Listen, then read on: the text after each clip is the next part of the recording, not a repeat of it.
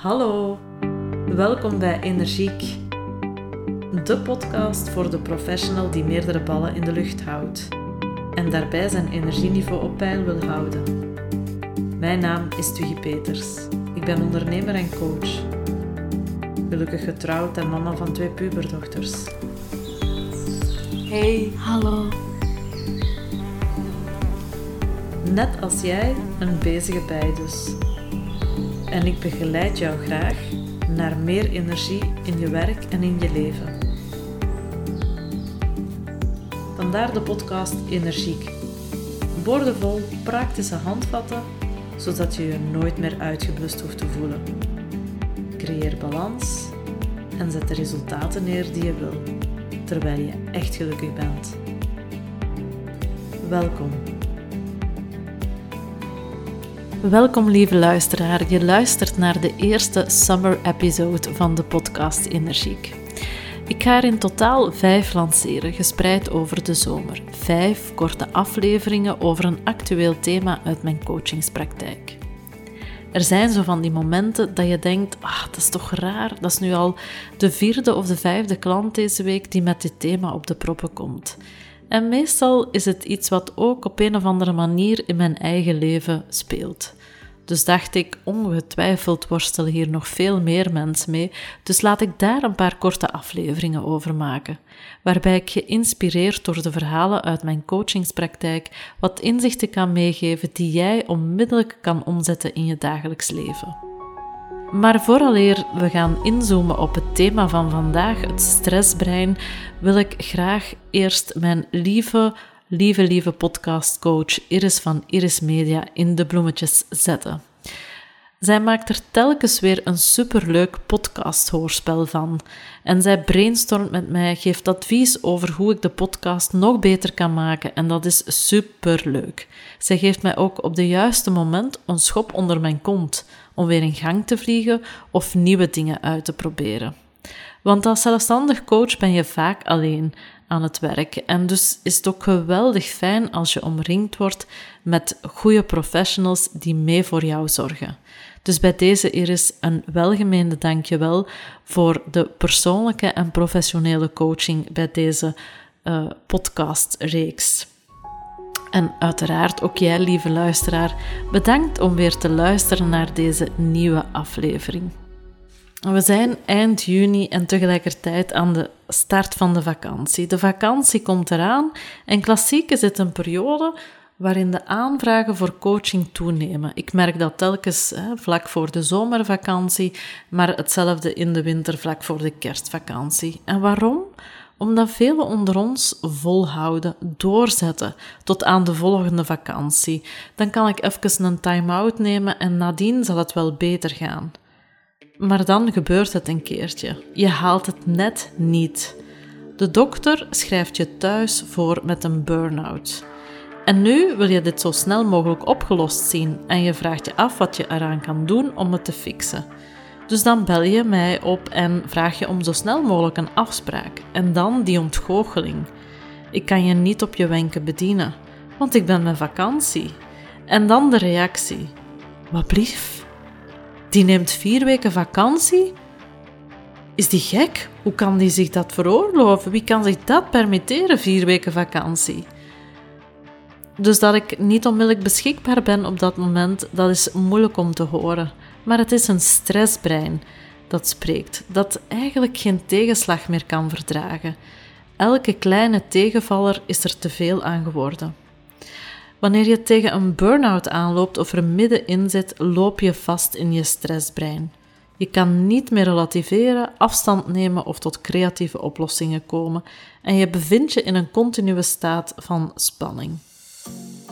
En wat dit nu precies is, hoe dat je een stressbrein ontwikkelt, de impact ervan op je fysieke en mentale en emotionele welzijn en ook hoe je er weer uit geraakt natuurlijk, ontdek je in deze eerste summer episode van de podcast Energiek. En ik kan uiteraard ook weer de blog lezen, Het Stressbrein, op mijn website. En ik zit voor de gelegenheid nu ook voor de eerste keer deze opname uh, te doen in mijn tuinkantoor. En Ik had op Instagram een vraag gelanceerd, want ik kreeg wel best wel wat opmerkingen over het tuinkantoor. Van ja, hoe noem je het nu? Noemt dat een tuinkantoor of een tuinhuis of een kot zelfs? En ik dacht, weet je, ik ben eens benieuwd wat jullie ervan vinden. Dus ik heb op Instagram een vraag gelanceerd met, ja, doe jullie suggesties eens hoe dat je dit zou noemen. En een hele lieve vriendin deed de suggestie van, uh, om het tuinkantoor Fika te noemen. En ik was meteen verkocht, want uh, voor degenen die mij al wat beter kennen, die weten dat ik een grote Scandinavië-lover ben en ik daar heel graag op reis ga. En een fika is Zweeds voor een moment van rust en pauze. En dat is wat ik mijn cliënten ook wil bieden: een moment van stilstaan, van pauze, van zelfreflectie, van eventjes uit die red race ontsnappen en ja, gewoon eventjes op adem komen, bij jezelf komen. En dat is exact wat mensen die vastlopen in hun stressbrein nodig hebben, maar wat ze vaak niet willen horen. Maar laat ons eens beginnen bij het begin. Is stress nu positief of negatief? Stress is van oorsprong positief. Het zorgt ervoor dat je in beweging komt, dat je je doelen realiseert, dat je een tand kan bijsteken om een deadline te halen. En daar is op zich niks mis mee. Die vorm van stress die zorgt voor evolutie, innovatie, vooruitgang en resultaten. Stress wordt maar negatief wanneer je er niet meer in slaagt om jezelf af te schakelen of rust te pakken. Je gaat maar door, begint maaltijden over te slaan, je begint slechter te slapen, meer te piekeren, je krijgt een kort lontje en je begint ja, afspraken met vrienden en familie uh, last minute zo'n beetje af te zeggen, want je vindt het telkens maar een opgave. En zolang er balans is en je de stresspieken afwisselt met voldoende rustmomenten, is er niks aan de hand. En dan spreken we van een gezonde portie stress die gewoon bij het leven hoort, want een leven zonder stress dat bestaat niet. En hoe ontwikkel je nu zo'n stressbrein? Gezonde stress dat houdt onze hersenen vitaal en sterk. Gezonde stress is kort en krachtig. Er komt adrenaline en cortisol vrij en het lichaam wordt klaargemaakt om de uitdaging aan te pakken. En eigenlijk stamt dit mechanisme al vanuit de oertijd. Dus beeld je maar eens in de oermens die doorheen de savanne liep en uh, onderweg een sabeltandtijger tegenkwam. Dat gaf wel even een stressreactie. Dus die oermens die kreeg een verhoogde hartslag, zijn pupillen gingen verwijden en de ademhaling werd korter en sneller en hij begon te transpireren. Eigenlijk werd zijn lichaam klaargemaakt om te vechten, te gaan vechten met die sabeltandtijger, te vluchten, het hè, heel hard op een lopen zetten of te bevriezen. Te doen alsof hij dood was, waardoor dat de sabeltandtijger hem misschien links zou laten liggen. Dit is een oeroud instinct dat voortkomt uit ons reptiele brein. En ons reptiele brein heeft eigenlijk maar één missie, en dat is overleven. Het probleem met, onze, uh, met stress vandaag is dat wij enorm veel stressoren tegenkomen op een dag 40 zelfs, hè, en dat eigenlijk ons brein nog steeds op dezelfde manier daarop reageert. Dus vandaag ga je geen sabeltandtijger meer tegenkomen, maar kom je in de file terecht of krijg je een negatieve reactie van je leidinggevende of um, ja, word je geconfronteerd met moeilijke omstandigheden, waardoor datzelfde mechanisme in gang schiet. Je krijgt een aantal fysieke effecten van die stressreactie, van het cortisol dat in je lichaam wordt uh, vrijgegeven en de adrenaline. Maar het effect vandaag van die kortstondige stressreactie is dat het eigenlijk verslavend werkt. Want het geeft een yes, I did it gevoel, waardoor je zelfvertrouwen een boost krijgt. Je ervaart voldoening over hetgeen je bereikt hebt. En dat is ook hetgeen wat ik vaak hoor in mijn praktijk. Dat is dat mensen zeggen, ja maar dat hard werken en die deadline halen en die resultaten neerzetten. Ik vind dat ook leuk. Ik krijg daar ook energie van. Vandaar dat ook veel leidinggevenden zo graag brandjes blussen. Want elke keer opnieuw krijgen ze een shotje adrenaline toegediend. Een uh, klein shotje gelukshormoon bij het realiseren van die doelstellingen. Maar waar we vandaag veel te weinig rekening mee houden, is om na die spanningspiek tot rust te komen. Cortisol, wanneer dit langdurig aanwezig is, omdat je eigenlijk continu onder stress staat, dat heeft naast dat sterk mobiliserend effect, energiegevend effect, ook een sterk toxisch effect. Het maakt je letterlijk ziek. Je bent eigenlijk letterlijk je lichaam aan het vergiftigen. En dat voel je in je lichaam. Je lichaam geeft signalen af. Je krijgt hoofdpijn, nek- en schouderklachten, maag- en darmproblemen. Maar we zijn ondertussen meesters geworden in het negeren van die lichamelijke signalen en we zetten door. We zeggen tegen onszelf: doe niet zo flauw. Iedereen heeft daar wel eens last van. Maar ons lichaam heeft na de stresspiek behoefte aan herstel. Maar onder druk van de red slaan we het rusten over en staat de boog continu gespannen en staan we 24 uur op 24 aan, doelloos scrollen op je telefoon. Uh, nog maar eens een Netflix-serie bekijken, nog eventjes je social media checken, nog een mailtje nalezen. We staan eigenlijk continu aan. Maar deze activiteiten worden door je hersenen nog steeds gezien als werken. En of stress nu veroorzaakt wordt door een reële gebeurtenis, hè, zoals in die file staan of een verkeerde opmerking van je leidinggevende of de werkdruk, of door het piekeren over een situatie, maakt eigenlijk niet uit. Het effect is hetzelfde. De gaspedaal blijft ingedrukt, jij blijft doorgaan, ook al is de energie op, en kleine slechte gewoontes sluipen er zachtjes in. En je houdt vol, want nog even en dan zal het rustiger worden. Alleen jammer genoeg gebeurt dat niet. Hoe meer stress, hoe rigider je gaat denken. En hoe komt dit? Omdat je eigenlijk je blijft hangen in dat reptiele brein. Er komen verstoringen op de verbindingen naar je neocortex, je rationele brein. Het brein dat ervoor zorgt, of het deel in je brein dat ervoor zorgt dat je kan relativeren, dat je kan plannen, dat je creatieve oplossingen kan bedenken. Je bent niet meer in staat om andere perspectieven of standpunten aan te nemen. Flexibiliteit in je denken is helemaal afgenomen. Je zegt: Het is zo. Het is altijd hetzelfde. Ze begrijpen me niet. En je slaagt er eigenlijk niet meer in om iets van een ander perspectief te bekijken. Je zit echt in een slachtofferrol. En dat is ook de reden waarom mensen die tegen een burn-out aanlopen er gewoon zelf niet uit geraken en letterlijk vast komen te zitten. Als omgeving, als familie of vriend of broer, zus, die personen erop wijzen dat ze daar iets te doen helpen, dat helpt ook niet. Vanuit het reptiele brein wordt dit immers geïnterpreteerd als alweer een bedreiging, alweer een aanval waartegen ze moeten vechten of van wegvluchten. Ze voelen zich onbegrepen en zien niet in hoe anderen zo rustig kunnen blijven onder de gegeven omstandigheden. Bewuste keuzes maken lukt niet meer en ze komen vast te zitten in angst en onzekerheid. En dit kan evolueren in regelrechte paniekaanvallen of paranoia-gedachten als die chronische stress blijft aanhouden. Onderzoek toont trouwens aan dat chronische stress leidt tot een inkrimping van het brein, dus leidt tot het eigenlijk letterlijk dommer worden. Dan is natuurlijk de vraag van 1 miljoen: hoe raak je uit dat stressbrein? En uh, wanneer, wanneer ik iemand die echt daar volop in vastzit in mijn uh, praktijk krijg, is het eerste wat ze mij vragen: wat kan ik doen om er zo snel mogelijk uit te geraken? Want dat is vaak ja, hetgeen wat ze altijd gedaan hebben: een activiteit, iets actief doen.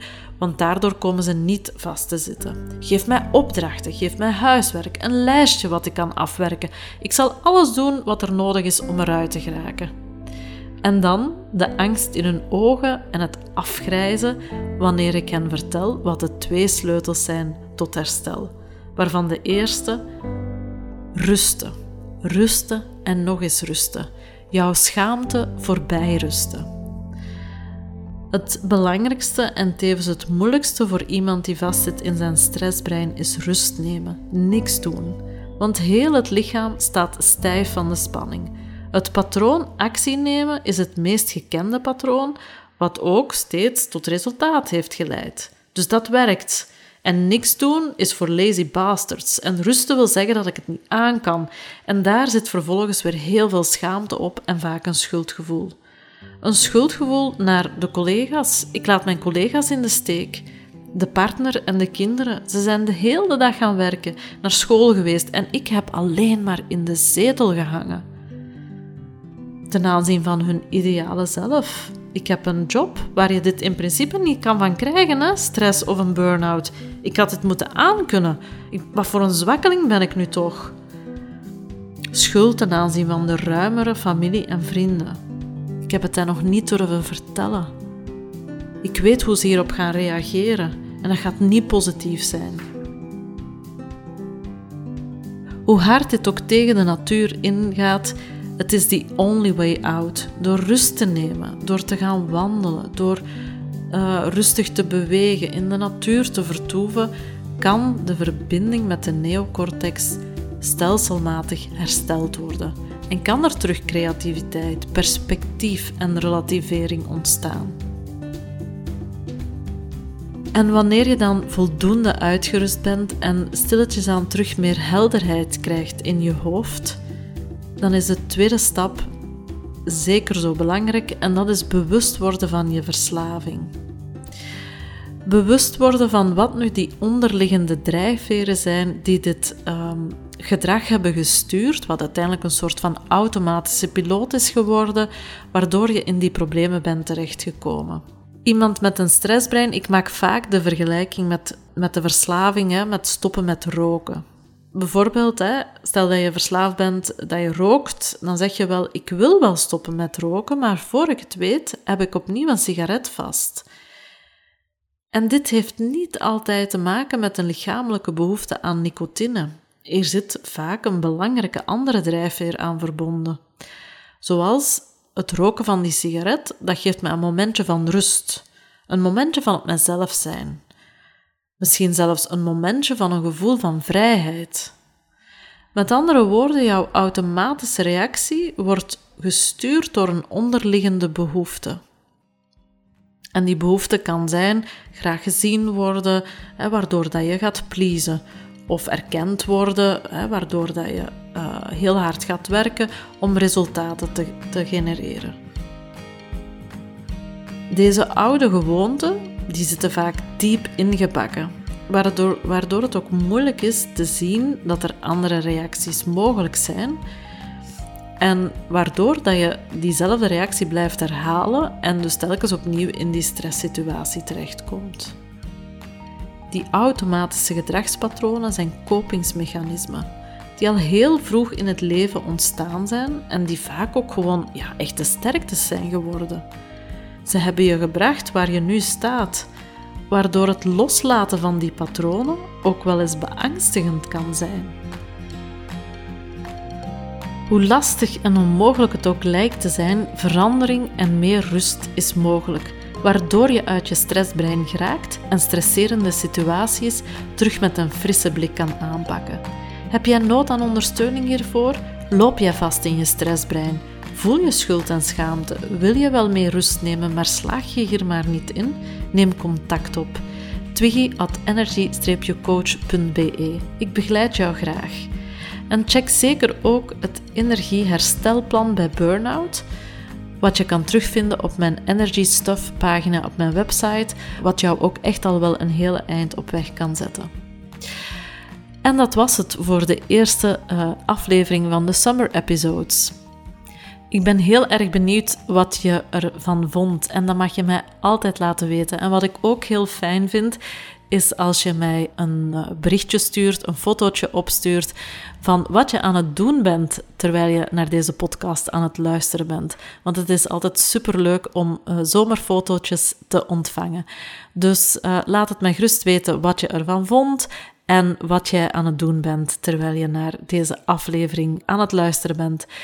De volgende aflevering, de tweede zomeraflevering, gaat over vriendschap en over hoe vrienden soms uit elkaar kunnen groeien en hoe bepaalde vriendschappen jou meer energie beginnen te kosten en wat je hiermee kan doen. Want het is niet altijd evident hè, om een vriendschap waar je misschien al 30 jaar van in de kleuterklas, uh, ja, een vriendschap die je al zo lang hebt, om die bij wijze van spreken te gaan beëindigen. Dus dat is voor de volgende aflevering, die wordt gelanceerd op 13 juli. En ja, intussen tijd wens ik je alvast uh, fijne vakantiedagen en bedankt voor het luisteren en tot de volgende keer. Bedankt voor het luisteren naar Energiek. Ik ben Twiggy en ik wil dat jij als drukke professional je energieniveau op peil houdt. Haal je energie en bruikbare tips uit deze podcast en wil je dat anderen hier kunnen van meegenieten? Deel deze podcast met jouw vrienden, familie, collega's of geef deze podcast een review. Dat zou ik heel fijn vinden. Ik wens je nog een energievolle dag en tot de volgende aflevering.